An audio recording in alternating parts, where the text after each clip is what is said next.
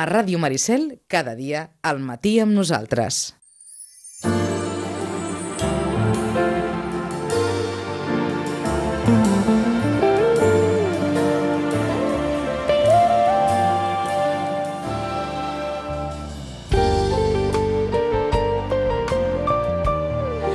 Un quart d'onze del matí amb el suport de la representació de la Comissió Europea a Barcelona, la Diputació de Barcelona, l'Ajuntament de Sitges, l'Oficina del Parlament Europeu i la Secretaria d'Afers Exteriors de la Generalitat. Benvinguts a una nova edició de l'Hora d'Europa.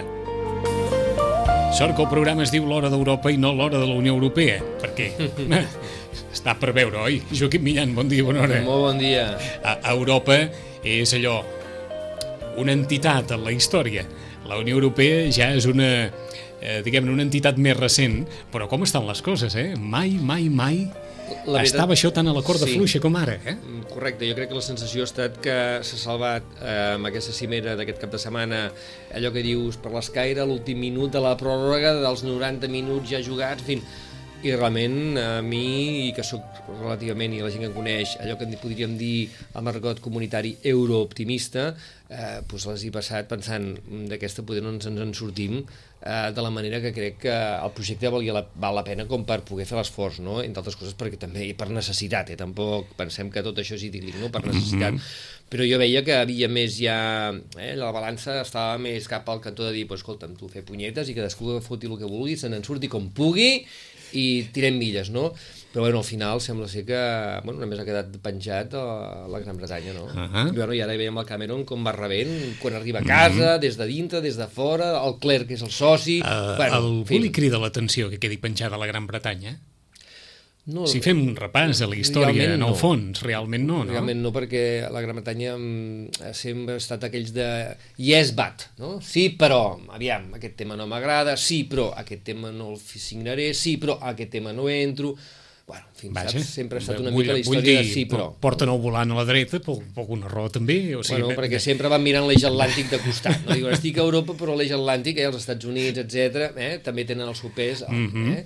I després també una mica, la, la, la, la, eh, bueno, per exemple, també en aquest aspecte concret darrer, que ha estat una qüestió més financera econòmica, que també en trasfondo polític, no ens enganyem, doncs, bueno, el valor de la City, tots els negocis que fan allà, que és un percentatge del seu PIB, etc. Però clar, s'han donat compte que poder si queden tan aïllats, tan aïllats, tan aïllats com han quedat, poder també el negoci no els hi sortirà tan a compte, saps? Mm -hmm. El mal de molts, si ho comparteixen molts, també potser és menys mal.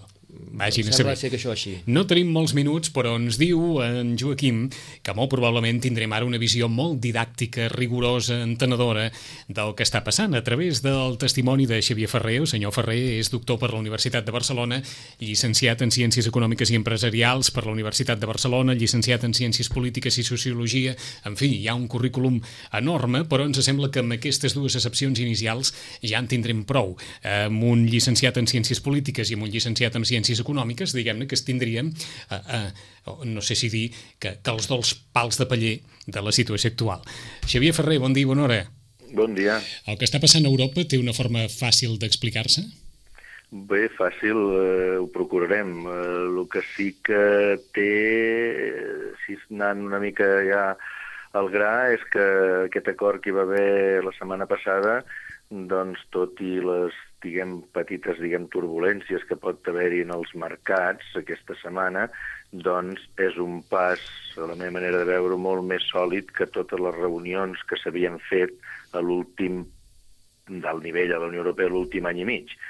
Eh, el que passa, el que passa que aquest acord en fiscalitat, en control pressupostari, el que, i que com ha dit el, el Joaquim, doncs, bueno, ho he dit abans, que el Regne Unit s'ha autoexclòs, eh, no és d'aplicació immediata. És un acord que els mercats i la societat en general, tots els ciutadans, hem d'entendre que s'ha fet, però s'ha d'aplicar.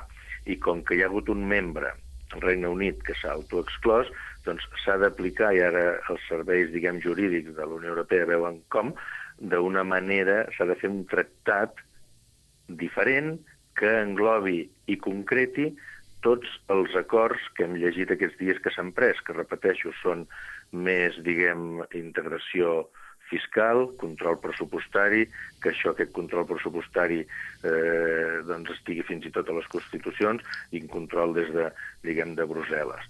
mm, eh, previsiblement, aquesta setmana que ve eh, hi haurà el primer esborrany d'aquest acord escrit, i això ha d'anar a l'aprovació de tots els 26, 26 estats, els 17 de la zona euro, més els altres 9 que, que s'hi han apuntat, eh? Sí. eh, i previsiblement s'aprovaria pel voltants de març. Per tant, són tres mesos, i aquí hi ha una cosa, hi ha un dilema, que és el següent, que la vida econòmica passa, va molt ràpida, i la via política en l'àmbit europeu, i això ho hem de millorar, no és fàcil, però s'ha de millorar, va més lenta que l'econòmic. A vegades les, les decisions, fins que s'apliquen, ja hi ha hagut diguem, problemes a, a, a, en l'interval de, des de l'acord en la entrada en vigor. Mm -hmm.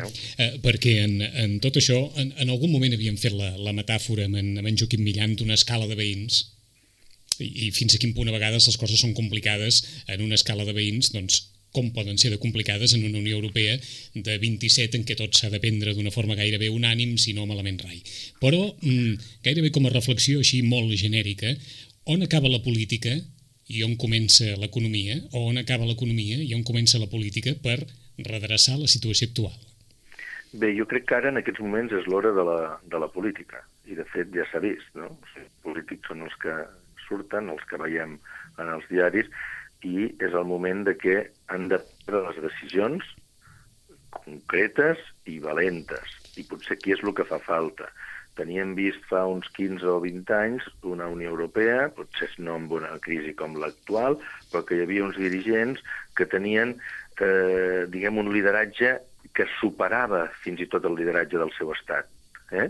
Eh, estic pensant en Kohl, en Mitterrand, i que se'ls veia una línia, diguem, europeista, i a la Comissió Europea hi havia Jacques Delors, i, i, i tiraven, i aquí fins i tot a Espanya González, i tiraven del carro europeu. Ara aquests lideratges no són tan ferms, i, en, i, i també té la justificació una mica de que tenen problemes interns. La crisi econòmica doncs, limita la capacitat de llibertat o de lideratge dels polítics a l'hora de prendre decisions, perquè les decisions que prenen en, en, en favor, diguem, d'aquesta Europa Unida, doncs tenen conseqüències internes a, en els seus estats. Mm -hmm. eh? Aquesta és la... Però eh, és evident que ara és l'hora, diguem, de la política. Durant molts anys eh, la política, s'han anat fent lleis, s'han anat fent tractats, però hem anat, diguem, l'economia. Eh, Fixeu-vos que l'euro, que es va, que ja portem 10 anys, doncs es va decidir crear una àrea, una moneda única, eh, sense només eh, una operació, diguem, monetària, amb un banc central europeu i tal, eh? i una moneda única, però sense el que s'ha aprovat ara, s'ha tardat 10 anys a aprovar-ho, eh, que és uns acords de control pressupostari i control fiscal. Per què no es va fer? Perquè això és una pèrdua de sobirania estatal. I com que ja anàvem tirant, estàvem en una etapa llarga d'expansió econòmica, doncs, mm, diguem, no feia falta des del punt de vista econòmic prendre aquestes decisions. Però ara, ja amb l'entrada de la crisi, s'ha vist que fa falta. I aquestes decisions no les prendran els, diguem, els actors econòmics, l'han de prendre els actors polítics. Per tant, ara estem en l'etapa que és l'hora de la política. Ens ho poseu molt bé per preguntar-vos tres coses bàsiques. Fèieu referència a la valentia. Mario Monti ha estat valent i no li ha servit de gran cosa davant dels mercats.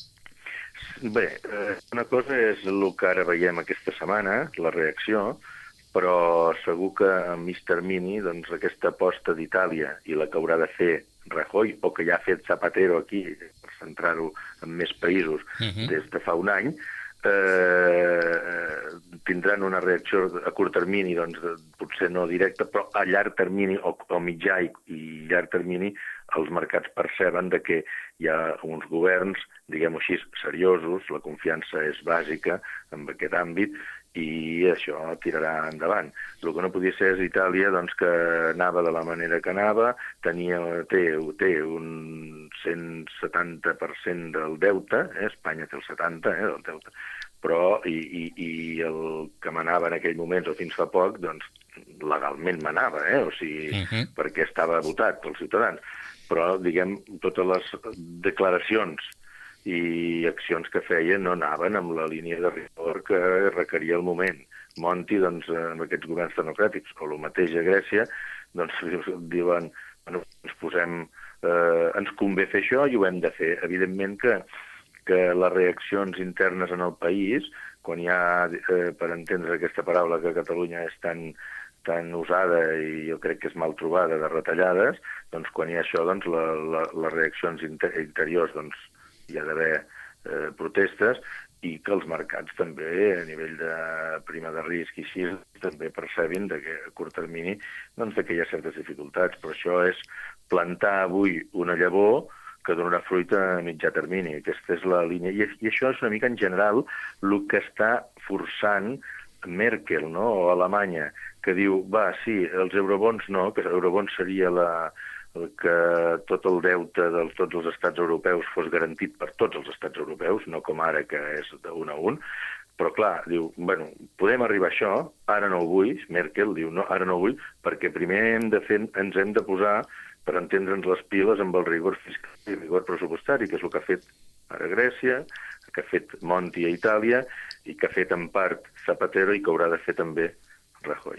Fa uns moments ens parlàveu de la pèrdua de sobirania dels estats o de fins a quin punt determinades decisions eh, en el marc de la Unió Europea. El que ha fet David Cameron és, d'alguna manera, fer valer el paper del seu estat? Uh, David Cameron el que, el que ha fet uh, és uh, una mica el que li demana la majoria de, de britànics, no?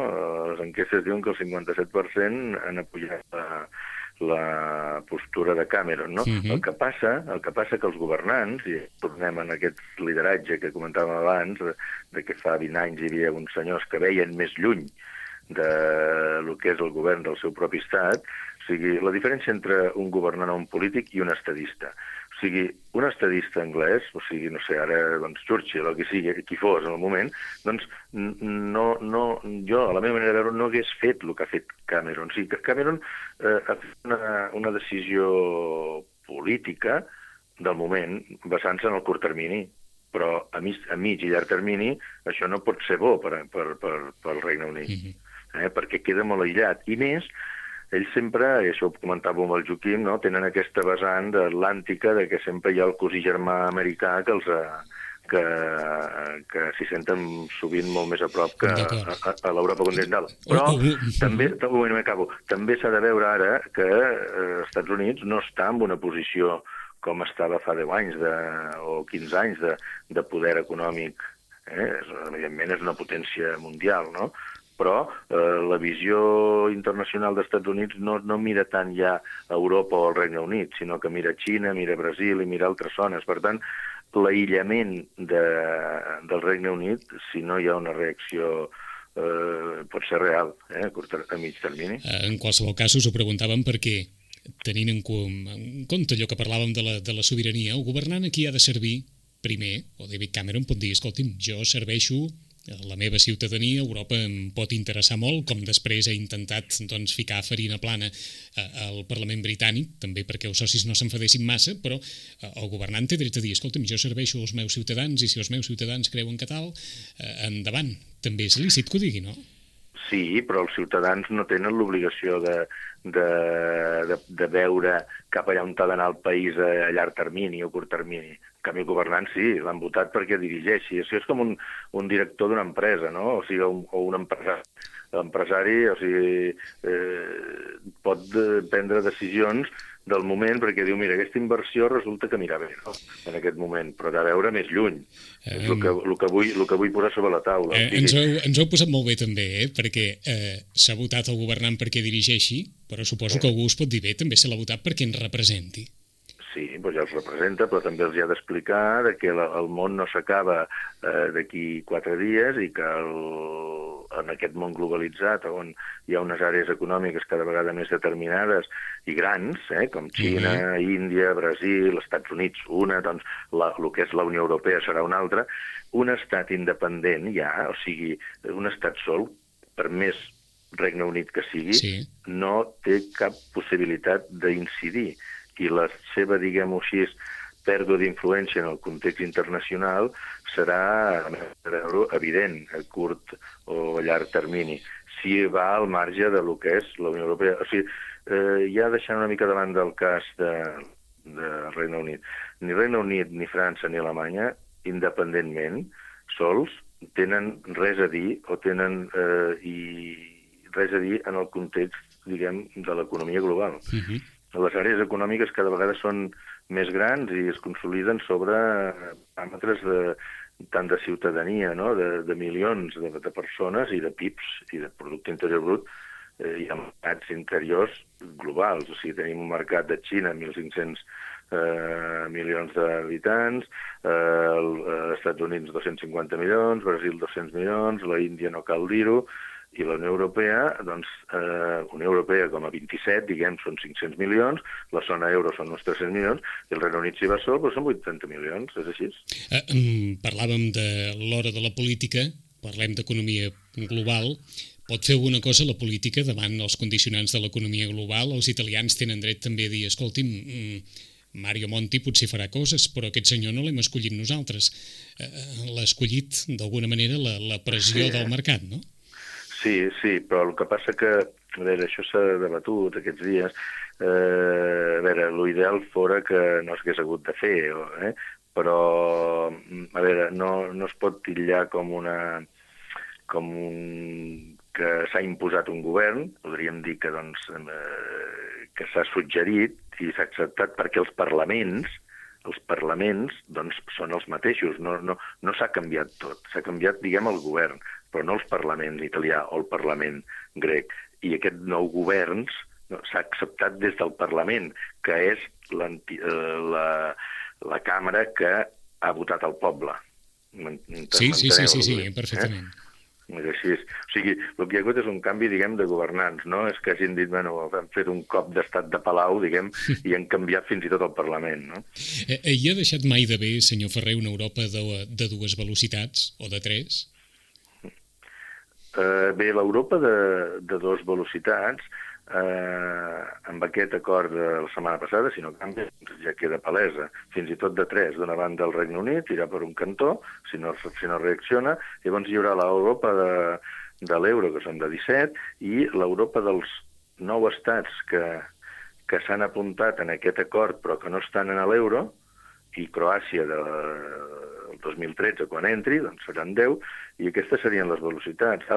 Altra manera d'entendre de, com a vegades es vol dir de les dues velocitats dintre de la zona euro, jo ho veig com una mala consellera anar per aquí. Eh? O sigui, si comencem a pensar de que França eh, i Alemanya van per una velocitat i Grècia o els estats perifèrics per una altra, mm, malament. Eh, s'ha de ser, diguem, s'ha de tenir visió, diguem, europea i voluntat política i també solidaritat dels estats rics, eh? Europa, Europa o, Estats Units o el món la va tenir amb Alemanya després de la Segona, de Segona Guerra Mundial, amb el Pla Marshall, no? Per tant, també han d'entendre els alemanys de que han de, de donar algunes dosis de solidaritat en aquests moments. Que d'altra part, D'altra part, també eh, tornem en aquesta visió de curt termini o mig termini. A curt termini Alemanya li pot ara semblar de que, de que no li convindria a Europa i podria anar sola, però a, a mig i llarg termini li convé l'euro, no tant a Alemanya, sinó a les empreses alemanyes, perquè molta part d'exportació que fa la fan a l'àmbit de la Unió Europea. I si, I si comencem a anar amb dos velocitats, que vol dir dos capacitats econòmiques, dos possibilitats, doncs també les empreses alemanyes se'n veurien afectades. Per tant, jo crec que el camí, repeteixo, en aquest món, diguem, cada vegada més globalitzat, és, és el camí dels europeus és anar junts. Uh, dues qüestions encara i no us, uh, no us agafem més temps. Una, on estem nosaltres? dins de, de tot plegat, i l'altra si la Unió Europea futura serà una Unió Europea més intervencionista en els comptes de cadascun dels estats cada vegada més. Home, nosaltres suposo que et refereixes a l'estat espanyol. Ah, exactament. Eh, bueno, doncs estem en aquesta Europa perifèrica, en aquesta Europa que no ha fet els deures, com en Alemanya el 2002 Schröder doncs, va començar a veure que la crisi i que els dèficits passava del 3% i diuen de fer una reforma laboral i la van fer, això li va costar perdre les eleccions de guanyar Merkel, però Alemanya es va posar amb, va fer tot el que ara ha de fer Grècia o, o Espanya o Itàlia, ho va fer fa 6 anys o 7 anys.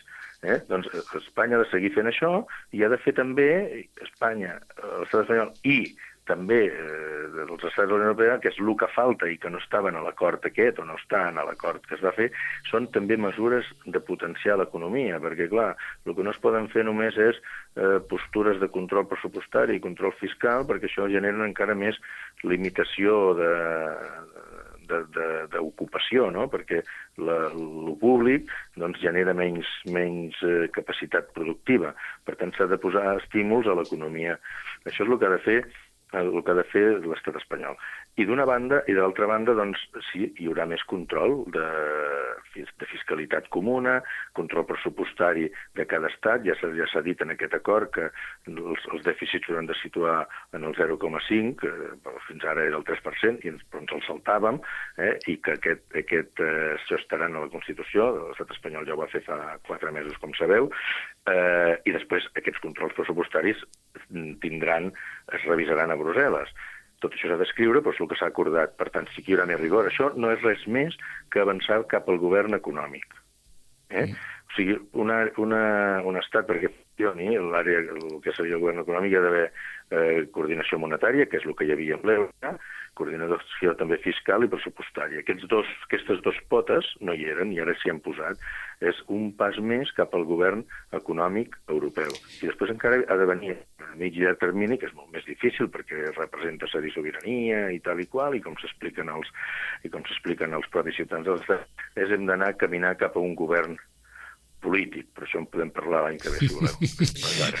l'econòmic en tenim prou. Eh, això vol dir que això serà com un castell de cartes, no? Unió Europea, estats, estats, eh, governs autonòmics, governs autonòmics, diputacions, no? Però, no, no eh, també amb aquest, amb aquest rigor que ara es vol, que jo crec que hasta fins i tot la ciutadania hi ha entrat, de que hi ha d'haver una eficiència en lo públic, doncs cada la, la visió, diguem, institucional de la Unió Europea i de cada estat doncs també s'haurà d'anar diguem-ho així, aprimant o adequant a les necessitats del moment. Jo llegia sí. avui que, per exemple, la, la Comissió Europea ja eh, fins al 2020 ha, vol reduir el 5% de, dels seus funcionaris sí. i, a més a més, rebaixar el sou. Doncs tot això mm, mm, també s'haurà d'anar fent, no tot, ho pot fer, no tot es pot fer des de Brussel·les, perquè les competències estan dividides, però, o sigui, compartides amb, en diferents, diguem, ens territorials, però s'haurà d'anar fent heu patit... aquest control pressupostari. Heu patit per l'euro? Mm, jo no. Mm, penso que, a veure, al final a la vida real pot passar de tot, però jo crec que seria, jo crec que seria una mala un mal, una mala notícia per tothom, no només pels, pel món polític, sinó pel món econòmic. Eh?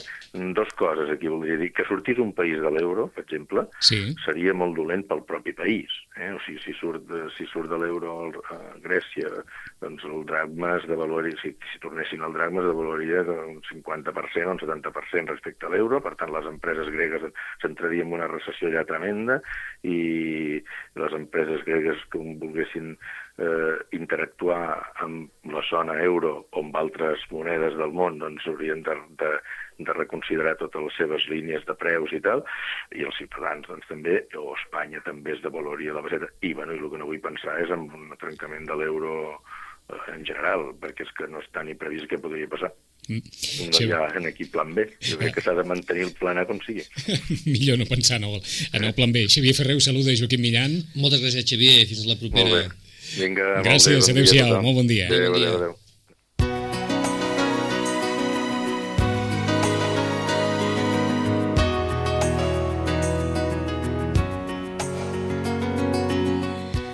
Se'l notava pragmàtic, el, el senyor Ferrer, i, i per descomptat, ni plantejar sobre la taula que l'euro es pugui desmuntar, ni que cap país pugui marxar de l'euro.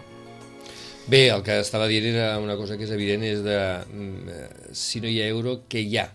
Eh, tornem a la passeta, ens inventem una altra moneda, mm, quins marxarien, quins es quedarien. En algun moment es havia parlat de tindre dos monedes europees eh, per aquestes dues velocitats, però al, al, al final, i, i ell ho explicava molt bé, doncs s'ha fet aquesta aposta perquè tothom té eh, bastant a perdre. Eh? Vull dir, no, no, no, no, eh, dir, els guanys els veus ara perquè estàs en una crisi molt profunda i penses, bueno, si faig això, em mirarà bé això, això i això, però poder a, a, a mig termini i llarg termini pot ser un desastre, no? perquè també, com també s'ha dit en algun moment de la conversa que hem tingut amb en Xavier Ferrer, també eh, el que s'imposa és també totes aquestes macroàrees econòmiques d'aquesta aquest, globalització econòmica i financera, que també per altra banda ens ha fet tant de mal, però per altra banda és la realitat en aquests moments. No?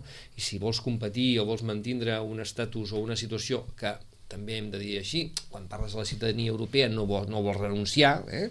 doncs, eh, doncs esclar, has de lluitar també amb una lliga diferent, amb unes regles de joc diferent, que han anat canviant els últims temps i que ens han posicionat en una, en una, en una situació ja no tant de privilegi com a la Unió Europea o alguns estats europeus han mantingut els darrers anys. No? Perquè per refrescar una mica la memòria, Joaquim, hi ha 27 estats, uh -huh. d'aquests 27, 17 estan dins l'euro? 12 van començar el primer dia, entre ells Grècia, que allà és una mica el que se'n diu, eh, va entrar una mica mm, falsejant eh, la paperassa, uh -huh. perquè ens entenguem. Però és a dir, 12 van Però hem, entrar. hem arribat, s'han incorporat 5 més, fins a 17, Uh -huh. I en aquests moments són 17 estats membres els que estan en l'euro, eh, que conformen l'euro. D'acord. D'aquests 17 vol dir que hi ha eh, 10 que no estan en l'euro, alguns d'aquests com la Gran Bretanya, sí. per exemple, aquests de pes, no? vull dir tenim sí. alguns països de pes que no han entrat en l'euro, i alguns que han entrat amb la darrera fornada que tenen l'euro, no? vull dir, d'aquests uh, últims estats que han entrat eh, els darrers anys que sí tenen euro.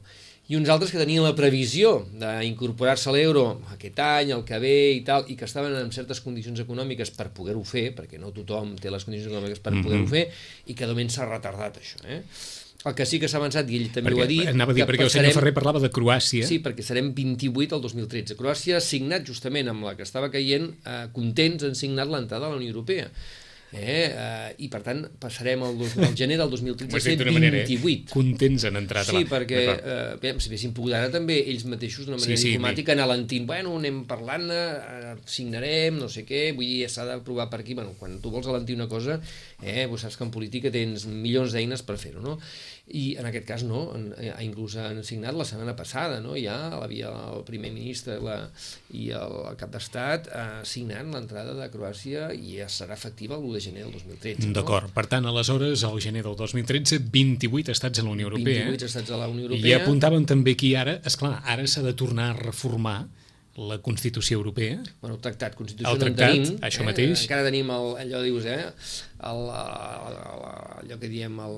Allò que es va aprovar a Lisboa sí, amb Castell de Foc sí, inclòs. Sí, sí. Bueno, que es va aprovar després de 9 anys de discussió, ah, que és una de les coses que jo sempre he criticat eh, dins del el que és criticable del procés de Constitució Europea, que sempre jo dic que darrerament veiem que cada vegada és més evident que anem massa lents per un món que va massa ràpid, 9 anys, que, que si Constitució, que si els referèndums, que si el no de França, que després el no d'Irlanda, que bueno, al final vam arribar a un tractat de Lisboa que només acabar-lo d'aprovar. Quan fa d'allò? Es va aprovar el, el desembre del 2009, un mes és abans. És a dir, no, no han la... passat ni dos anys. Dos I ja, anys. I ja als cap de poc, primer, ni s'està aplicant 100% i ja l'estem reformant a pedaços perquè veiem que no dona de sí com per les necessitats del moment.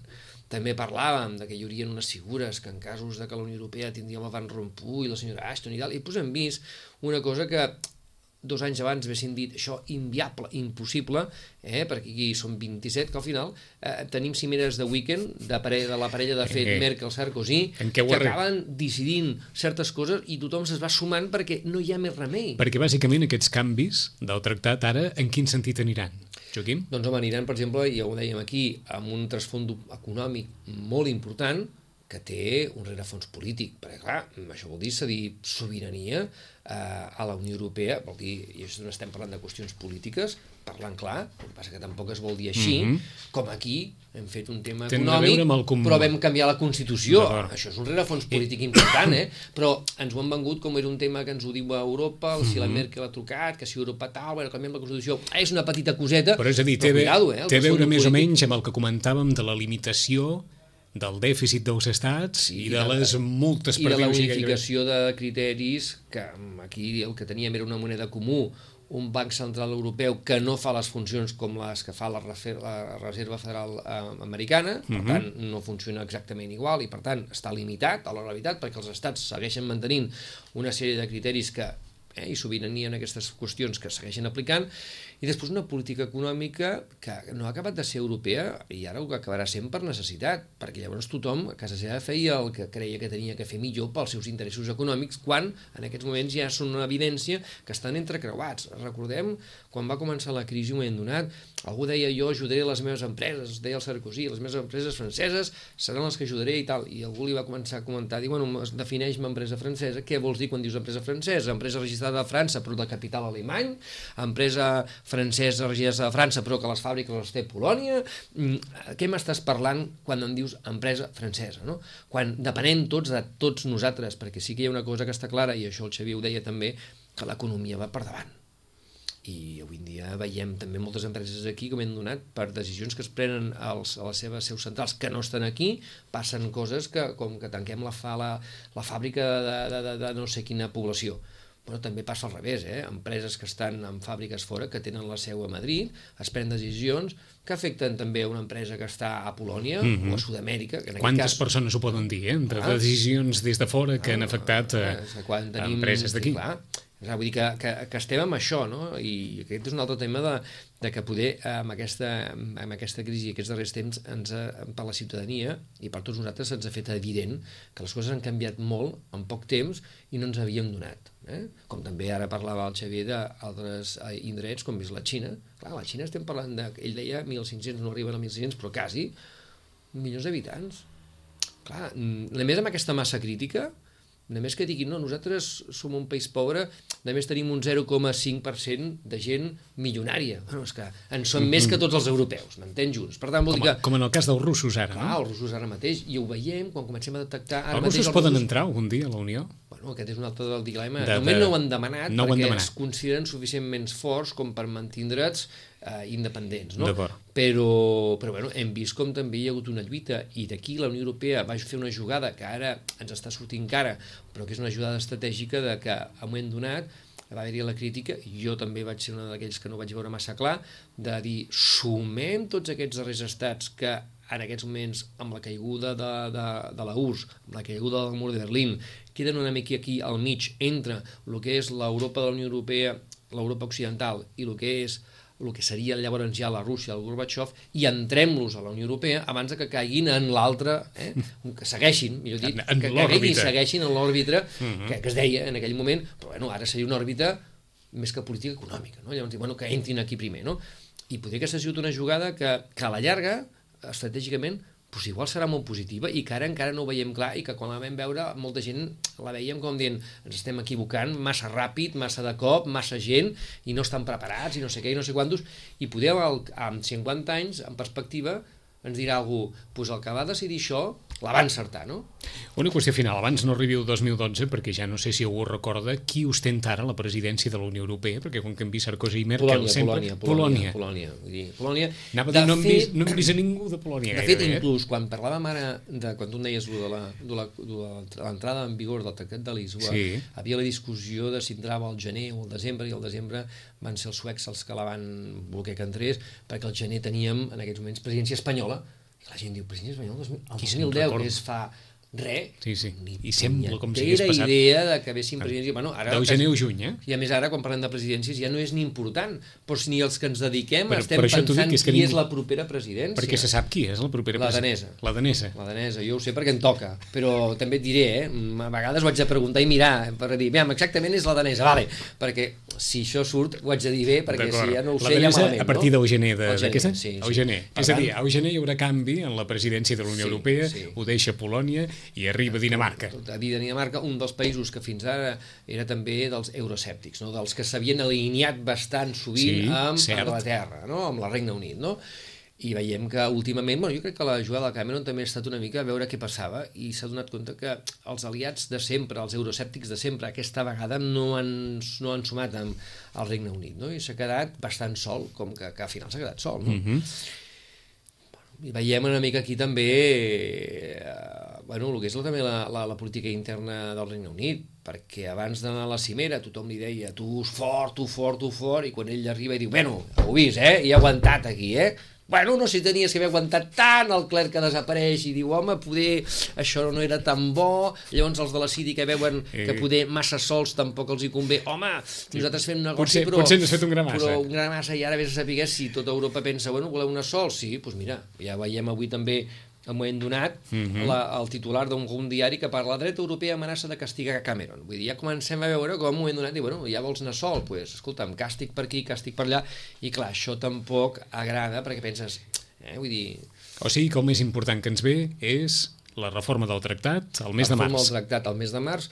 Eh, veurem allà la veritat si tots aquests 26 signen, en principi jo crec que sí, quedaven dos o tres que deien sí, però ho haig de consultar per la situació interna que han d'anar a referèndums, s'ha d'aprovar al, Congrés, als parlaments, com pot ser Hongria, Suècia i Dinamarca, uh. -huh. concretament, aquests tres han dit sí, però, que són bàsicament els que sempre estaven amb el Regne Unit, el Regne Unit ha quedat fora de moment, però bueno, ja veurem si d'aquí al març dona temps diplomàticament de dir sí, però estic fora, però vull estar dintre, perquè és una mica la tàctica de la diplomàcia britànica, que per altra banda molt efectiva en molts àmbits i especialment dins de la Unió Europea durant aquests anys, i veurem també, doncs, eh, com aquest 2012 i aquí també estic d'acord amb, el, amb en Xavier Ferrer, eh, eh, veurem si realment assumim el que hem de fer política europea de veritat o no. Quan dic de veritat, vol dir de veritat. Eh? La que s'havia acostumat a aquella època de los Mitterrand, que van ser capaços d'entrar a l'euro, van ser capaços de la reunificació alemana, que van ser capaços de eh, moltes altres coses més, ara poder ha arribat un punt que hem estat tan, tan, tan a prop de l'abisme, tan a prop del trencament, tan a prop de... Eh, que poder, poder mm, salvaguardem el que tenim, que fins ara ens ha anat prou bé, malgrat la crisi, malgrat tot. Eh? Perquè quan mirem altres àrees del món, jo a vegades ho dic, quan vaig explicar, dic, Europa tal, Europa qual, però mm, escolleix tu on t'agradaria ara mateix viure. I la gent diu, home, malgrat tot aquí estic bé. doncs l'any que ve en continuarem parlant com no, perquè el, el mes de març, com ens deia en Joaquim, punt d'inflexió amb aquesta qüestió de, del Tractat de la Unió Europea. Serà en la nova edició de l'Hora d'Europa, ja que valcarem més enllà de festes. Joaquim, bon Nadal, bones festes. Igualment a vosaltres. Fins l'any que ve. tot. Fins l'any que ve.